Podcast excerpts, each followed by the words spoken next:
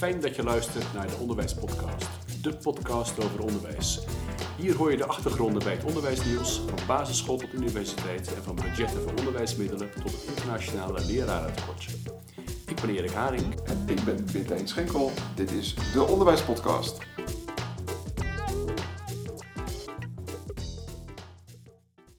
Welkom bij de zesde Onderwijspodcast. En vandaag niet vanuit de auto, we zijn niet onderweg, we zitten gewoon thuis te werken. Ehm, maar we hebben wel een heel mooi gesprek uh, vandaag gepland staan, Erik. Dat hebben we zeker. We hebben enorm fijne gasten op bezoek. Ja, het geluid zal voor de luisteraars wellicht iets minder goed van kwaliteit zijn dan we gewend zijn. Excuus daarvoor, maar uh, wij denken dat we de inhoud desalniettemin toch goed kunnen brengen. Jazeker, en we hebben een mooie uitzending over uh, corona en de lessen die we daarvan leren, geleerd hebben. Dus ik ben wel benieuwd eigenlijk wat, uh, nou ja, wat schoolleiders zo al meemaken deze dagen, waar ze trots op zijn, wat goed gaat, wat misschien nog niet goed gaat. En waar we dan, dan van leren. Dus ik ben wel benieuwd wat ze daarover te zeggen hebben. Heb jij nog speciale vragen voor de gasten? Ik ben eigenlijk heel nieuwsgierig uh, wat er eigenlijk in de organisatie gaat veranderen. Natuurlijk zullen er heel veel verhalen komen over uh, hoe dat online lesgeven in de werk gaat en wat daarvoor hindernissen waren en belemmeringen en welke overwonnen zijn. Maar ik ben heel benieuwd hoe we de, uh, die dynamiek die daarin plaatsvindt kunnen vasthouden. Wat gaan we nou na corona nog beter doen dankzij de ervaringen tijdens corona? Nu is het zo, dat is misschien even handig voor de luisteraars om te weten. Omdat we het allemaal online doen, is de kwaliteit inderdaad wat anders. Maar zal ook vooral eerlijk aan het woord zijn met de gasten. Uh, omdat het wat lastig is om elkaar uh, in de reden te vallen. Dus um, dat doen we dan op deze manier vandaag. We hebben een aantal gasten hier uh, bij ons. En om te beginnen willen we een aantal vragen voorleggen aan Jacco van der Dol en aan Bram van Wely en Johan Hilgers. Om even met Jaco te beginnen. Kan je kort even voorstellen, Jaco, en nou, eens reageren op wat, wat je de afgelopen tijd gezien hebt. Wat gaat er goed in je school? waar maak je je zorgen over? Ja, goedemorgen Erik. leuk dat ik hier uitgenodigd ben en aanwezig ben. Uh, ik ben bovenschoolsdirecteur online onderwijs voor Stichting Auro en ook directeur van een basisschool. En ja, eigenlijk mijn pad hier naartoe, ik ben lector online onderwijs geweest. En ja, zodoende ben ik hier eigenlijk ingerold en ben ik ook op de stichting druk bezig om het online onderwijs uit te rollen. Ja, wat is er goed gegaan? Ik zou zeggen dat we eigenlijk heel snel een transitie hebben gemaakt. Binnen één dag zijn we online gegaan. Dat kon ook omdat ik al een jaar bezig was met mijn team om het online onderwijs vorm te geven. Dus dat, dat liep eigenlijk heel erg gesmeerd. En ja, nu wil je natuurlijk ook weten wat er niet zo goed ging. Het blijft natuurlijk, dat zal straks ook wel terugkomen. Wat er niet goed ging, is dat je toch een aantal leerlingen mist. En dat je heel erg afhankelijk bent van de begeleiding van ouders. Niet dat ik ouders de schuld wil want ineens moeten zij, krijgen zij een heel ander beroep. Maar zij zijn wel een essentiële factor. En als je soms geen contact kan krijgen met families, dan ga je wel enorm zorgen maken. Ja, ja nou dat is, dat is een, een zorgelijke situatie. Want zulke leerlingen wil je ook graag in beeld houden. Dat zijn ook de leerlingen die het meeste achterstanden zouden kunnen op gaan lopen. Ja. Ik ga even naar de Johan Hilgers. Johan is eh, teamleider. Misschien kan je jezelf even voorstellen, Johan. En even reageren op wat je gehoord hebt. En aan kunnen vullen met wat je in je eigen school meegemaakt hebt. Ja, goedemorgen Erik. Mijn naam is inderdaad Johan Hilgers. Ik ben unitleider van de HAVO, VWO en VWO onderbouwklasse op het Groene Hart Lyceum, aan de Rijn. En uh, ja, ik hoor een aantal herkenbare dingen. Um, uh, even aan te vullen, het, het, snel schakelen heeft me echt verwonderd. hoe snel collega's die niet altijd even makkelijk te porren waren voor innovatie, toch snel zijn geschakeld, hebben kunnen schakelen. Um, daar ben ik echt uh, ook wel trots op, wat er gebeurt. Um, en en uh, ik zie waar mijn zorg ook wel een beetje zit, is in de verschillen tussen de collega's ook wel. He, de verschillen tussen hoe snel mensen dingen oppakken. En leerlingen zien dat ook. Ja. He, dus die, die merken ook, de juf wiskunde doet het zo en de meeste adreskunde, daar heb ik nog weinig van gehoord. En op afstand is dat toch wat lastiger aan te sturen. Ja, dus die flexibiliteit, die, uh, die zie je zowel bij leerlingen, begrijp ik, als bij collega's. Ja. Uh, jouw situatie was iets anders dan die bij Jaco. Jaco had vanwege zijn expertise uh, al een, een, slag gemaakt, denk ik, als ik het zo hoor in zijn school. jij moest, of jullie moesten op jullie Groene Hart College daar flink voor in de beugels, denk ik. Hoe is dat verlopen? Nou, wat we, wat we wel hebben gedaan is toen die persconferentie kwam waar we niet dicht gingen, op die bewuste donderdag, wat bij, tot heel veel discussie heeft geleid, hebben wel gelijk aan de secties gevraagd om met elkaar aan de tafel te gaan zitten van als nou na het weekend dat wel het geval is, wat gaan we doen? Kunnen jullie aan de slag? Wat hebben jullie nodig? Ja. En dat hebben we als directie direct teruggekregen op papier, zodat wij richting het weekend en in het weekend daar ook uh, maatregelen hebben kunnen nemen. We hebben, uh, um, als het moest, konden we bijvoorbeeld extra devices regelen. We konden regelen dat leerlingen toegang kregen tot andere applicaties. Om op die manier in ieder geval na het weekend goed te starten. En, um, um, en wat we zien is dat het heel belangrijk is dat je als teamleider constant contact hebt met je mensen. Ja, dat, dat had je voorheen wellicht in de wandelgangen, uh, maar dan had je wellicht niet iedereen in beeld. Maar nu, uh, met deze situatie, ben je meer gefocust op contacten met de docenten. Ik ga even naar uh, Bram van Wely. Bram, jij zit in Rotterdam-Zuid op een school, je bent daar rector. en we zijn ook heel nieuwsgierig naar hoe jij de situatie hebt beleefd op jouw school. En ik wil ook vragen om even te reageren op het aantal leerlingen in beeld, wat Jaco noemde. Van, ja, we hebben een aantal leerlingen gewoon niet in beeld. Hoe is dat op jouw school, eh, Bram? Ja, goeie, goedemorgen Erik. Um, voordat ik reageer op die laatste vraag, denk ik dat onze school, um, dat we drie dingen hebben geleerd van corona tot nu toe. Ten eerste hebben we geleerd, en dat, dat uh, hebben mijn collega's hiervoor ook al wel gezegd, dat er een ongekende innovatieslag tot stand is gekomen. Dat er ook ongekende samenwerking tot stand is gekomen. Dat is positief. Um, helaas vind ik die andere twee lessen wat minder positief. Ik denk de tweede les is dat er echt latente maatschappelijke problemen haarfijn uh, uh, aan het licht zijn gekomen. Uh, dat, we, dat corona helaas heel veel dingen bevestigt en ons confronteert met echt grote maatschappelijke ongelijkheid. Um, en het derde, en dat vind ik eigenlijk de belangrijkste les, is dat we, denk ik, dat corona ons leert dat um, eh, het onderwijs op afstand en hoe mooi die innovatie ook is, hè, ik wil daar niet cynisch of sceptisch over zijn, maar dat, um, dat onderwijs op afstand eigenlijk maar op een hele beperkte manier, hoe goed je het ook um, uh, inricht, maar op een hele beperkte manier uh, aan de opdracht van het onderwijs kan voldoen.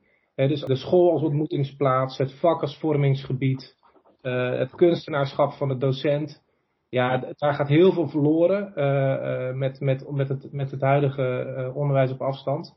En ik denk dat een school als de onze misschien nog wel extra hard geraakt wordt. Ik wil niet zeggen dat het buiten de uh, grootstedelijke context niet zo is. Maar uh, dat is bij ons denk ik nog extra zichtbaar. Voor de luisteraars, jouw school staat in Rotterdam-Zuid? Ja, in, in Rotterdam-Sjaarloos. ja, Rotterdam-Zuid is eigenlijk een een focuswijk van 200.000 mensen, als je hem eventjes heel kort samenvat. Uh, dus dus daar, daar is uh, bovengemiddeld veel uh, maatschappelijke problematiek. Sociaal-economisch, sociaal-cultureel uitdagingen. Um, en de, ja, de school is, is gewoon een ontzettend belangrijke plaats voor onze leerlingen. Ja.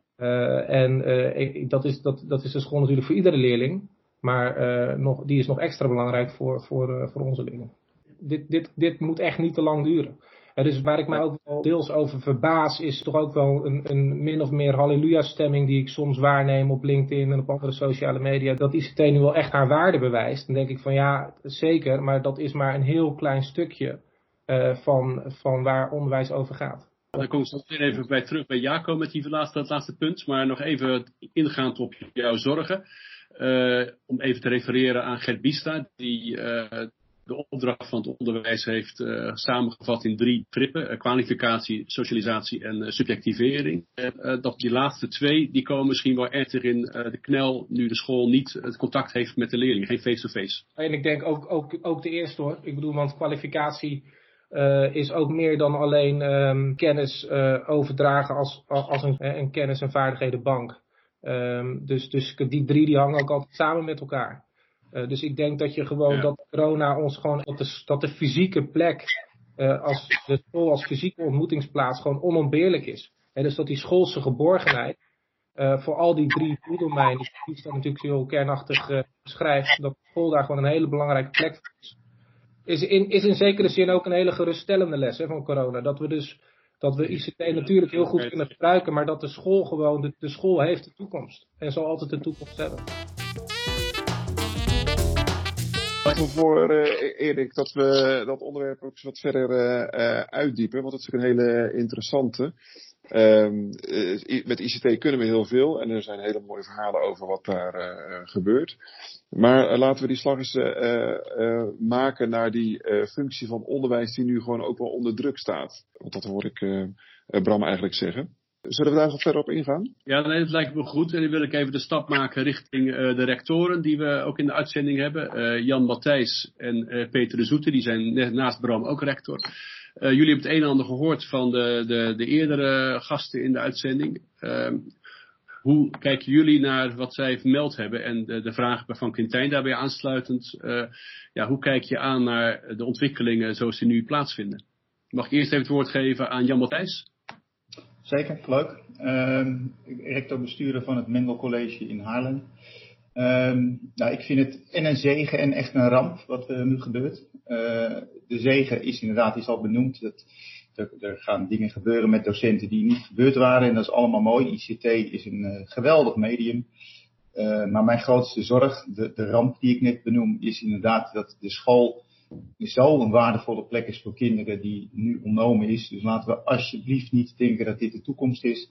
Want die gebouwen die we in dit land hebben, waar kinderen elke dag naartoe gaan, verliefd worden, uh, noem het allemaal maar op, dat, dat halen we allemaal weg. En uh, ook al gezegd bij examenkinderen die zo blij waren dat ze misschien makkelijker zouden slagen. Nou, eigenlijk de enige teneur is wat verschrikkelijk dat we niet dat moment hebben van dat we gebeld worden, het examenfeest. Weet je, alles, alles is er ontnomen. Dus ik vind het uh, heel mooi wat er gebeurt, maar eigenlijk vind ik het een ramp voor de sector. Ja, dankjewel. Peter de Zoete, uh, kun je jezelf even kort voorstellen en ook even reageren hierop? Zeker, graag. Fijn dat ik uh, mee mag praten. mijn naam is Peter de Zoete, ik ben rector-bestuurder van het Kennemer Lyceum in Overveen in Haarlem. Uh, ik heb hiervoor twintig jaar uh, bij Microsoft gewerkt, dus ik ben eigenlijk ook nog uh, terug in mijn oude rol als ICT-man aan de slag. En dat, dat heeft me zeer geholpen in de afgelopen weken. Um, ja, ik, ik, wil ook wel graag reageren op wat ik ook hoor. Het is natuurlijk niet zo dat de situatie van online lesgeven heel langdurig zal blijven. Dus we moeten nu even dealen met de situatie. Maar het mooie van die vreselijke coronacrisis is wel dat het een ontzettende katalyserende uh, functie heeft gehad in het gebruik van ICT op scholen. En dat is eigenlijk alleen maar mooi. Want uh, het zal zo zijn in de toekomst dat uh, datagedreven onderwijs echt de toekomst is. Leraren zullen moeten veranderen van zendinggevend docent naar een soort uh, data monitoren van hoe uh, gaat het met die kinderen en hoe kun je die, uh, die differentiatie waar iedereen het altijd maar over heeft, gaan realiseren. En dat kan alleen maar door techniek meer die scholen in te krijgen. Dus ik ben bijzonder enthousiast over wat deze crisis heeft gebracht in de gedachtegang van docenten en schoolleiders over wat er eigenlijk mogelijk is. En dat we nu eindelijk na 20, 30 jaar van heel weinig innovatie in de sector uh, enorme stappen kunnen maken. Ja. Het is absoluut onzin om te zeggen dat die socialisatiekant of de persoonsvormingskant niet zou kunnen in een situatie uh, online. Ik denk zelfs dat het in sommige gevallen veel beter kan.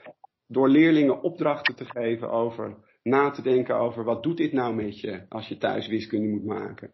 Uh, kan je die, die, die hele uh, filosofie van Bista heel goed doorvoeren, net zoals dat je dat doet op school. Dat kan prima ook online. Geef even nog een woord aan Brand. Heb jij nog even nog wat commentaar voordat je eh, ons verlaat? Ja, nou kijk, ik, ik wil niet um, de, de, de schijntegenstelling uh, uh, wekken dat het online onderwijs niet per se goed kan zijn. Ik denk dat online onderwijs wel degelijk heel goed kan zijn. Ik denk alleen dat het nooit de school en, en de schoolse opdracht volledig kan vervangen. En ik denk dat dat in, de context waar wij in Rotterdam Zuid mee zitten, misschien nog wel sterker naar voren komt dan bijvoorbeeld in een omgeving als Haarlem. Um, maar, ik weet ook overigens van collega's van mij op, op andere scholen, andere gebieden van Nederland, dat, dat zij daar ook echt wel tegen aanlopen.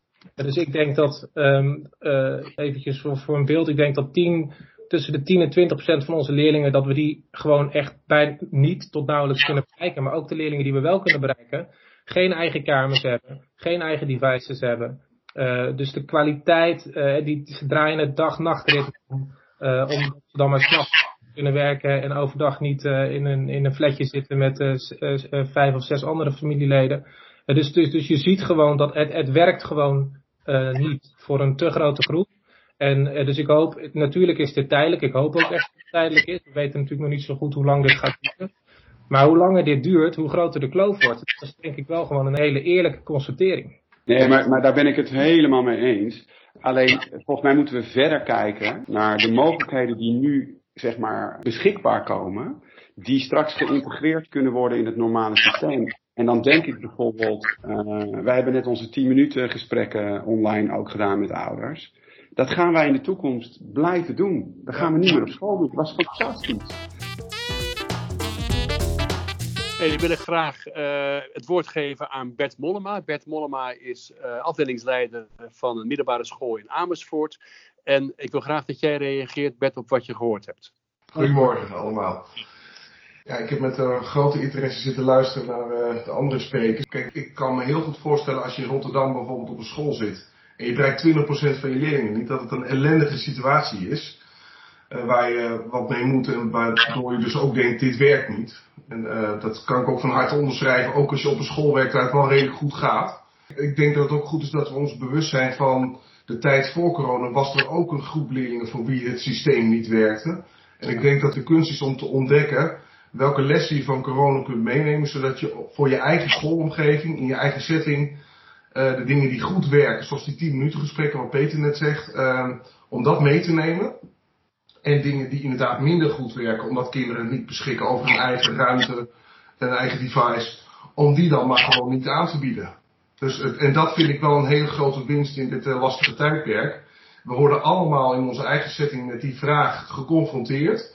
En ik denk ook wel, daar ben ik ook best wel positief gestemd over, dus dat deze enorme innovatieslag en deze crisis ervoor gaat zorgen dat iedere school daar zijn eigen lessen uit gaat trekken en dat wel op zijn eigen manier goed gaat vormgeven. Ja, dankjewel Bert. Daarmee komen we inderdaad op een uh, volgend blokje in onze uitzending. Het is al genoemd. Uh, er zijn ontzettend veel innovaties plaatsgevonden. En de teams, zoals die beschreven zijn, hebben ook een enorme slag gemaakt in flexibiliteit. de omslag, Johan noemde dat, hè, van een hele korte tijd was het team eigenlijk klaar voor de online die de didactiek en lesgeven. Daar komen we eigenlijk bij de, flexibiliteit in de organisatie. We hebben nu gezien dat er dus door een crisis ja, alles vloeibaar wordt. Mensen zijn opeens uh, in staat om heel snel te schakelen. Processen die voor de crisis maanden, soms jaren duurden. Invoeren van online lesgeven of, of meer ICT in de lessen. We zien nu dat die slag heel snel gemaakt kan worden. Een vraag aan Jan Matthijs. Hoe houden we dat vast na de crisis? Nou, dat is makkelijk te doen, denk ik. Want het is niet een weekje dat, het, dat we er nu, nu in zitten. We zitten er vijf weken in. Ik heb vanochtend het verhaal van de VO-raad gehoord. Nou, daar hoor je dat we na de vakantie echt al open gaan. En dat is denk ik ook goed. beperkt enzovoort enzovoort. Allemaal de anderhalve meter. Dus dan ga je nog eens vijf weken tot de zomer hiermee verder. En uh, ja, dan heb je het ook voor een langere tijd gedaan. En dan hebben docenten ook gevoeld en ervaren dat er echt gewoon winst te boeken is op heel veel terreinen. Waar voorheen niet over gesproken werd, maar nu wel. Dus uh, er zijn heel veel uh, goede initiatieven, die zijn ook al benoemd. Uh, die zullen blijven. En vroeger ging het misschien over één ziek kind dat thuis zat, wat je er nu probleemloos bij kan trekken. Maar je kan op een hele andere manier naar roosterproblematiek kijken, naar lerarentekorten, naar, naar vergaderingen, naar bij elkaar komen. En, en of je het nou voor ouders of docenten hebt. Dus op heel veel terreinen zijn er hele mooie dingen gebeurd. En die moeten we ook absoluut gaan vasthouden. Johan Hilgers, afdelingsleider, zit misschien wat dichter op de docenten. Hoe zie jij de didactiek online die nu plaatsvindt? Nou, ik zie in ieder geval een zoektocht. Ik zie dat uh, collega's dingen uh, uitproberen. we hebben er heel bewust als school voor gekozen om mensen niet te veel te laten freewheelen met allerlei apps en, en, en allerlei mogelijkheden om ook gewoon overzicht voor leerlingen te behouden. dus wij sturen wel van jongens, gebruik deze middelen. Maar die didactiek, wat ik zie, is dat dat echt een verschil is als je naar deze week kijkt ten opzichte van vier weken geleden. Dat mensen echt proefondervindelijk dingen veranderen. Dat er gekeken wordt, wat werkt er voor deze klas? hey, waarom heb ik dit groepje nou wel hier en waarom dat groepje niet? En dat, dat gaat zo snel. In vier weken, wat ik zie gebeuren, ik verbaas me daarover. Nou, dat is prachtig om te horen. Dus die jij ziet ontwikkeling. Jaco, jij hebt uh, in je vorige leven als wetenschapper onderzoek gedaan naar online lesgeven uh, en kunstvakken. Uh, je hoorde net van Peter, die zegt, nou, er zijn heel veel kansen, juist ook voor die socialisatie en de subjectivering, om dat online vorm te geven. kun jij hier even op reageren? Ja, om dat te doen moeten, moeten we denk ik heel even een paar decennia terug. Want er heeft nu een ontzettend paradigmatische verschuiving plaatsgevonden van, van compleet uh, offline naar compleet online. En dat brengt eigenlijk allerlei interessante zaken met zich mee en natuurlijk ook problemen. Dus je kijkt een aantal decennia geleden toen het online of e-learning startte, dat de grootste problemen daar eigenlijk bij waren dat door weinig sociale interactie tussen de leerlingen onderling en tussen de leraren, ontstond er een, een beperkt begrip van, van textuele informatie, eigenlijk door die afwezigheid van interactie, door de afwezigheid van, van lichaamstaal. En toen kwam men op het idee, oké, laten we blended learning introduceren. Nou, dat was ook de hele tijd een, een hype, waar je een, een onsite en een online wereld met elkaar verbindt. En dan nu ineens we weer in een complete online situatie. Dus het heeft een heel interessante golfbeweging gemaakt, zou ik zeggen. En ja, als ik nog wat dieper op die onderzoeken inga, dat eigenlijk de kwaliteit van, van dat online leren is gewoon sterk afhankelijk van de interactie tussen de leerkracht, de leerling, de helderheid van die instructies. En bovenal, en dat is denk ik voor leerkrachten gewoon heel fijn om te weten, hangt het sterkste af van de kwaliteit van de leerkracht. En je kunt door heel veel variatie aan te bieden, kun je met online leren, kun je best dicht bij zo'n situatie komen waarin een kind optimaal kan leren.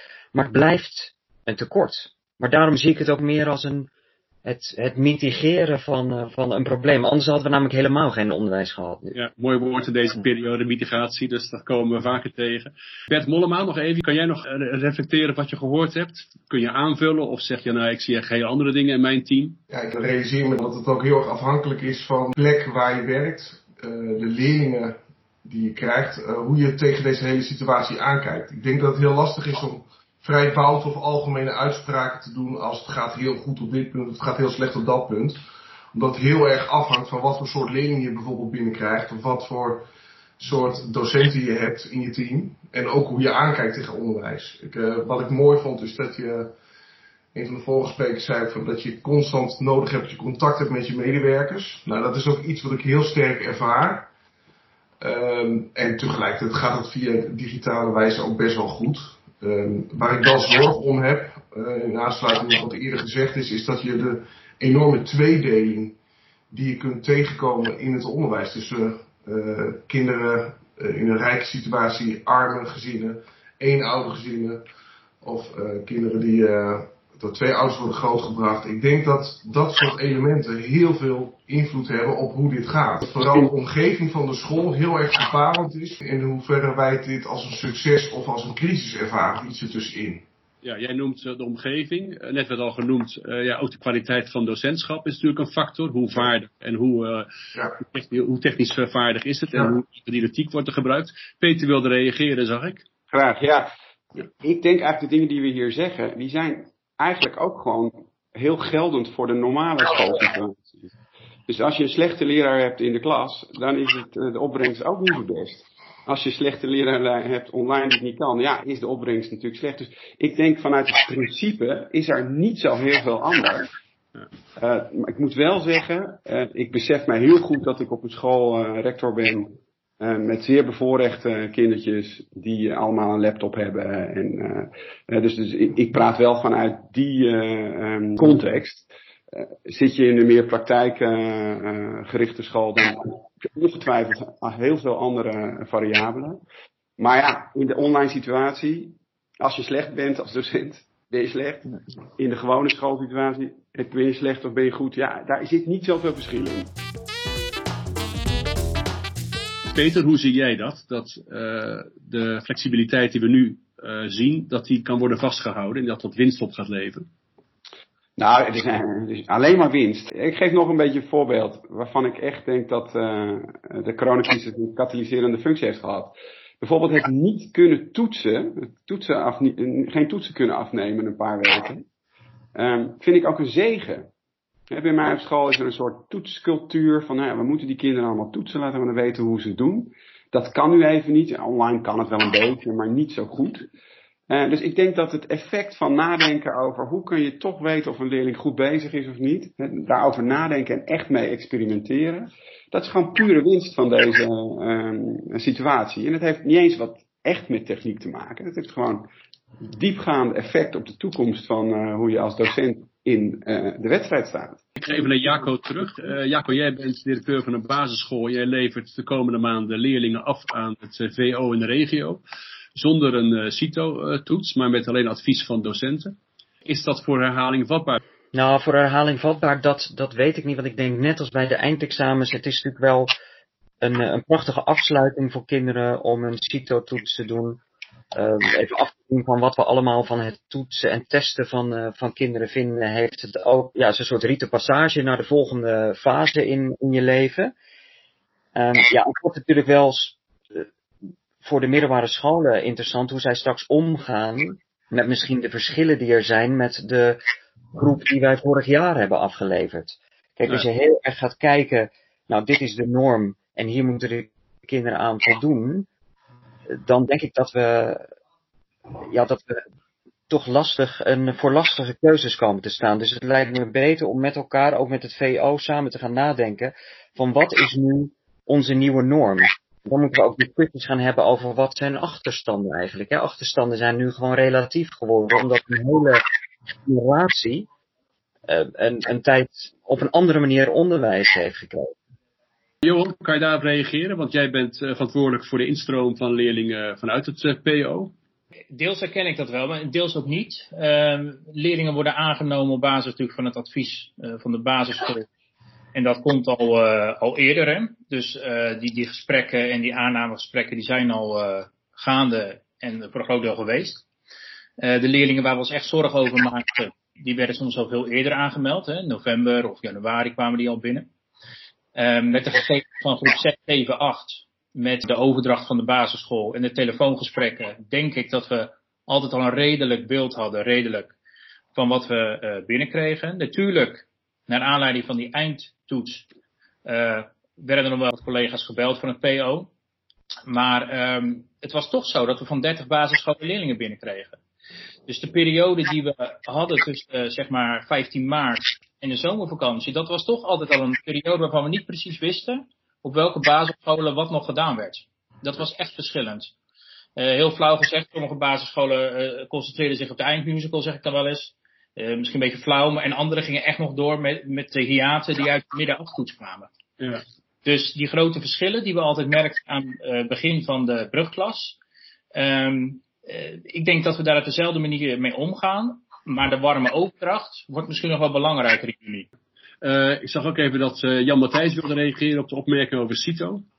Ik ben blij dat hij, uh, dat hij er niet is dit jaar, want ik geloof echt in de professionaliteit op een basisschool. En ze volgen kinderen lang en met veel toetsen, inderdaad te veel, daar ben ik met Peter eens. dus het advies van een juf of een meester vind ik echt waardevol. En op die leeftijd is het nogal wat om te zeggen of een kind wel of niet AVO, MAVO of VWO zou kunnen.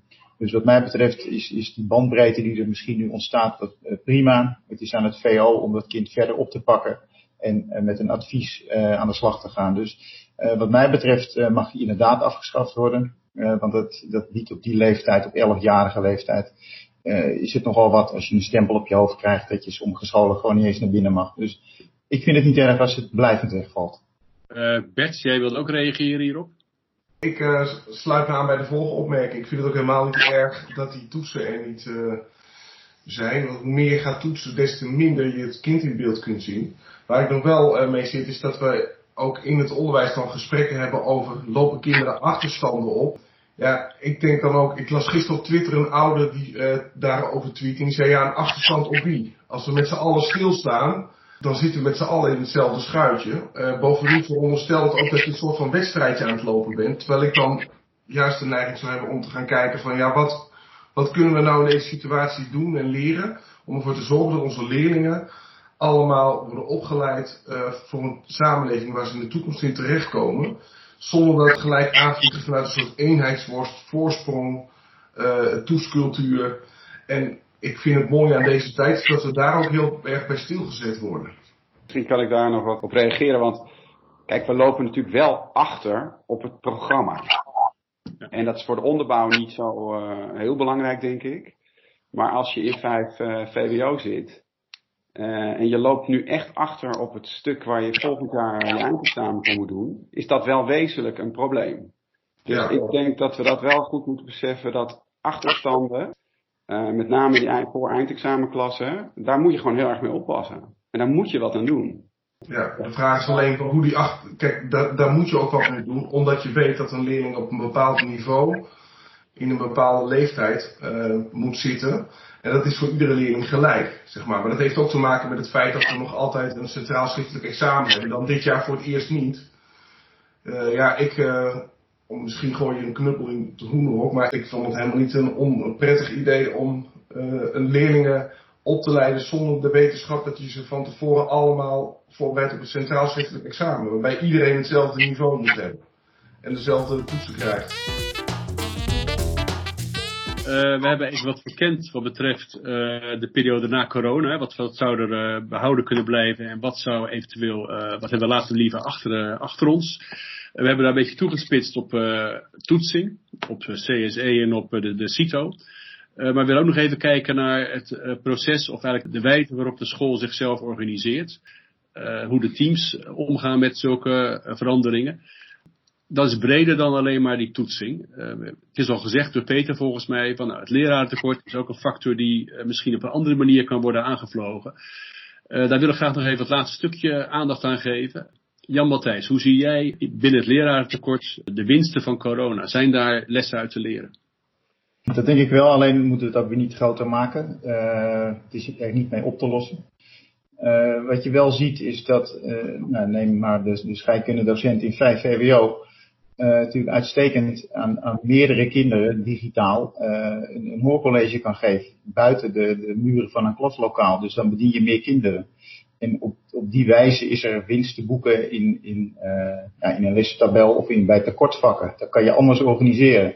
Je kan, als je standaard vier uur wiskunde gaf, dat kan natuurlijk terug. Want niet iedereen heeft die vier uur nodig. Je kan uh, iedereen twee uur laten komen en dan op, op, nou, via digitale lijnen kinderen laten kunnen inbellen of vragen stellen. Dus het, het, het vaste systeem wat in een veronderstelt dat je op moment X met een aantal kinderen in een lokaal zit met een docent die een vak geeft, daar is, daar is winst te boeken. En dat geeft zeker ruimte bij, bij tekortvakken dat, dat vraagt nogal wat, maar dat vraagt dus ook nu, waar is al net ook iets over gezegd, over anders, anders leiding geven. Want als je onderwijs op afstand, moet je ook leiding geven op afstand. En dat, is, dat is ook een mooie ontwikkeling. En dan moet je inderdaad heel veel contact. Dus de, mijn, mijn ja, punt van zorg, want ik hoor Peter de Zoet wel erg enthousiast uh, over alles wat hij dit brengt. De kern volgens mij van mensen is, is een relatie. En dan moet je elkaar zien. En dan een 10 minuten avond digitaal mooi. Alleen iemand gewoon een hand geven. In zijn ogen kijken is een meerwaarde. En ik geloof dat we dat echt niet moeten uh, onderschatten. En dat geldt ook voor die docent. Want nogmaals, een groot college geven is prima. Maar je moet ook gewoon aan het tafeltje van het kind zitten. Even door je knieën en hem in zijn ogen kunnen kijken. Dus uh, het lost niet alles op, maar het heeft zeker mogelijkheden. Dankjewel. Uh, Jaco, kun jij nog even reageren op hetgeen wat gezegd is over de, de rol van online? En dat dat niet alles kan oplossen, maar wel een bijdrage heeft. Ja, zeker, want ik denk dat we in deze discussie, het wordt ook wel genoemd hoor, maar er, eh, er is vaak een gevaar in de discussie over online onderwijs dat het in tegenstellingen wordt gedacht. Van uh, elkaar een hand geven of online. Niet dat de voorganger dat zei, maar dat komt regelmatig voor. En het, het, um, het mooie is dat de oplossing komt gewoon in een blend, wat ik al eerder noemde. Daar uh, daar kun je heel veel zaken in de toekomst mee oplossen. Ook leraren tekorten, zeker voor het basisonderwijs. En ik zou zeggen, laten we ook als onderwijslagen nu goed met elkaar gaan samenwerken. Want het leek een beetje in basisonderwijs alsof het wiel uitgevonden moest worden. Maar uh, ik heb als, als lector al jarenlang voor een hogeschool en de universiteit gewerkt met online onderwijs en er ligt al zoveel klaar. Dus ik hoop ook dat de universiteiten hun deuren openzetten En, uh, en dat we met elkaar om de tafel gaan zitten. Dat is een mooie oproep, uh, Jaco. Ja. Uh, ik wil even een laatste rondje maken. Wat houden we vast en op welke wijze? Mag ik daarvoor eerst het woord geven aan Peter? Ja, ik denk dat het, uh, het mooie van deze situatie is um, dat een potentieel niet-menselijke uh, interactie door die techniek die we nu zeg maar inzetten, eigenlijk een heel menselijk gevoel heeft gekregen. En daar word ik heel vrolijk van. Uh, mensen, zeker in het onderwijs, zijn vaak wat angstig voor uh, gebruik van, uh, van techniek. Maar juist door die crisis die we nu hebben ervaren, zie je dat techniek eigenlijk ook heel erg kan helpen met, met relaties en online toch met elkaar in contact blijven. Ja. En dat stukje denk ik dat gaat zeker blijven. Hoe hou jij dat vast in jouw team? Uh, nou, gelukkig was ik uh, in augustus al begonnen met het, uh, het plan om, om, laptops in te voeren bij mij op school voor alle leerlingen. Dat, dat gaan we volgend jaar ook, ook doen. Dus we kunnen ook gewoon volgend jaar heel veel dingen meer gaan regelen met, in de relatie tussen docent en, en leerling. Omdat die laptop daar toch een, een, hele een rol in speelt. Want als je die niet hebt, dan kan je gewoon heel veel dingen niet. Jan Matthijs? Um, nou, ik vind het uh, wel mooi dat uh, we hebben geapplaudiseerd volgens mij om acht uur voor, voor de zorg in dit land. Dat vond ik allemaal mooi.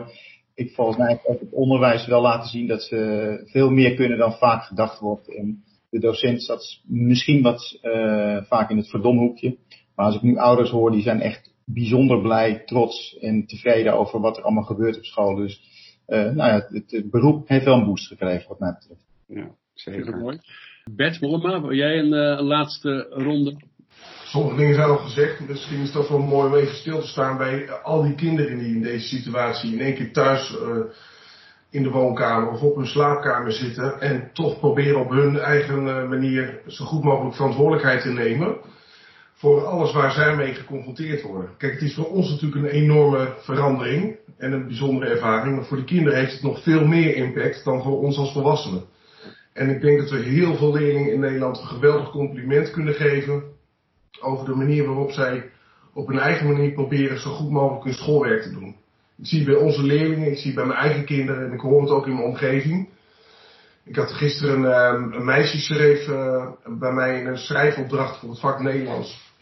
Dat uh, op, op, als uh, antwoord op de vraag wat heb je nou het meest geleerd in deze afgelopen weken. Uh, en, daar is, en dat ontroerde me wel. Toen zei ze ook van ja, ik heb geleerd dat hoe gaaf het is om een enorme verantwoordelijkheid te nemen. En tegelijkertijd ook dat het ontzettend saai is als je de hele dag thuis zit. Ja. ja en die twee uh, dingen, dat ontroerde me wel. Toen dacht ik ook van ja, voor kinderen is inderdaad dat contact zo belangrijk en waardevol. En dat moeten we ook zeker behouden. Maar uh, het nemen van verantwoordelijkheid, dat is wel iets waar ik uh, bijzonder van onder de indruk ben bij jonge mensen. Mooi om te horen. Nou. Uh, Johan Hilgers, voor jou nog een laatste ronde. Ja, wat ik, wel, wat ik wel mooi vind is het proces wat gaande is waarbij collega's nadenken, wat wil ik nou eigenlijk aanbieden en op welke manier. He, dus dat die, die, die flexibiliteit die je ziet, en ik hoop dat ze dat een stukje vast kunnen houden. Dus ook een stukje herijking naar je programma kijken. Uh, moeten we alles doen? Is alles uh, echt nodig? En nou, dat vind ik wel een mooi proces. Jacco, kun jij nog een, een afrondende opmerking maken over dit ja, dit, dit gesprek wat we gehad hebben, wat, wat, wat blijft voor jou heel belangrijk voor de toekomst? Ja, wat, wat belangrijk is ook voor het basisonderwijs is om, nu we zoveel kennis hebben gekregen van het gebruik van online uh, middelen, dat we starten, blijven starten vanuit die online didactiek en niet in, in de stress schieten dat het allemaal moet gaan om de technologische middelen, maar heel goed nadenken, oké, wat zijn onze problemen? Waar we tegenaan lopen, of onderwijsuitdagingen, dat eufemisme gebruik ik vaak. En hoe kunnen we dat dan oplossen met technologie? Dus veel meer vanuit, vanuit zo'n model denken. En dan denk ik dat we, ja, dat we heel grote stappen kunnen gaan zetten met elkaar. Maar ja, goed op blijven letten ook wel. Dat is nu nog niet genoemd in dit gesprek, maar uh, de, de AVG en uh, en de macht van Google, Microsoft, uh, kinderen media wijs maken, dat is wel echt iets wat we niet, niet uit het oog moeten verliezen. Dus dat, uh, dat is wel een zorgpunt. Heren, we komen aan het einde van deze uitzending. Uh, ik wil jullie allemaal heel hartelijk bedanken voor jullie bijdrage. We kijken uit naar de montage van deze uitzending door Sanne. En die gaat dat mooi in een prachtige podcast schieten. Dan kunnen jullie nog eens een keer terugluisteren naar jullie bijdrage. Ik wens jullie een heel goed weekend en uiteraard heel veel succes met nou, de heropening van de scholen. Zoals Jan Matthijs zei, van, dat gaat komen. Dus er komt veel werk op jullie af. Heel veel succes daarmee. Bedankt voor jullie bijdrage nogmaals en tot ziens. Allereerst dank aan onze gasten die uh, tijd vrij hebben gemaakt om dit gesprek met ons te voeren op afstand. Dat was een hele belevenis, maar volgens mij is het best goed gegaan. Zeker. Um, Erik, kan je eens wat noemen wat je nou meeneemt uit dit gesprek? Wat, wat is nou een belangrijke conclusie? Nou, wat, ik, uh, wat mij verrast heeft in dit gesprek is dat uh, er zeker winst is uit het online lesgeven. Peter de Zoeter noemde heel mooi de online oude gesprekken. Gaat nooit meer face-to-face -face voortaan. Dit wordt een blijvertje de, de zorgen die er zijn over de tweedeling in de samenleving. Nou, het is uh, door de online periode volgens mij scherper in beeld gekomen dat er uh, een tweedeling is. Die komt niet ja. door het onderwijs, maar die wordt wel heel zichtbaar in het onderwijs. En dat vraagt ja. van scholen dus actie om hun docenten nog meer te focussen en op te leiden. Hoe kan je in een online setting die achterstanden, die tweedeling die er bestaat, tackelen? Ja. Niet neerleggen bij het feit dat de leerling niet deelneemt aan een sessie, maar hoe kan je nou een leerling motiveren om deel te gaan nemen, om maatwerk te gaan leveren voor die leerlingen? Nou, dat vond ik een hele, vrij, een hele fijne bij aanvulling van dit gesprek. Ja, en die tweedeling lijkt te komen door de sociaal-economische achtergrond van, van leerlingen nou ja, die uitzicht duidelijk in het onderwijs inderdaad. En er moet nu ook naar manieren gevonden worden, ook online. Dat deed je offline natuurlijk ook al. Maar ook online naar manieren vinden om die kloof alsnog wel uh, te dichten. Ja. Ja, dat, ja. ja, dat is een mooie. Ja, wat ik zelf ook nog wel een mooie vond trouwens, is dat er dus uh, de, urgentie ook heel duidelijk is geworden om docenten te blijven ontwikkelen in het leveren van maatwerk, zeg maar in de context waarin zo'n docent opereert. Dus uh, je, je, moet blijven ontwikkelen. In Rotterdam-Zuid is dat misschien anders dan in Haarlem. Maar uh, ook daar zijn docententekorten en lerarentekorten. En als de docent bijvoorbeeld in Haarlem opeens aan een twee keer zo grote groep moet lesgeven online, voor een deel uiteraard, ja, dan vraagt dat natuurlijk wel wat van de vaardigheden van de docent. En die zal zich dus moeten blijven ontwikkelen. En dat vind ik ook wel een mooie opbrengst van dit gesprek. Ja, nee, ik denk dat scholen die deze afslag missen, die gaan dat uh, merken. Die, die gaan krijgen dat een keertje op hun brood. Ja, nou heel mooi. Uh, uh, dankjewel. Jij vanuit Rotterdam, ik vanuit een stukje eronder. En tot een keer weer in real life. Dank dat je luisterde naar de Onderwijspodcast. Kijk voor meer informatie op de website onderwijspodcast.nl. Wil je graag dat we een bepaald onderwerp bespreken in deze podcast? Of wil je zelf graag deelnemen aan deze podcast of een uitzending bij jou op locatie laten opnemen? Stuur dan een mail naar info.onderwijspodcast.nl De techniek van deze opname was in handen van Sanne van Vught en de muziek die je in deze podcast hoorde is van Nameless Dancers en heet Hot Funky Body. Tot de volgende onderwijspodcast.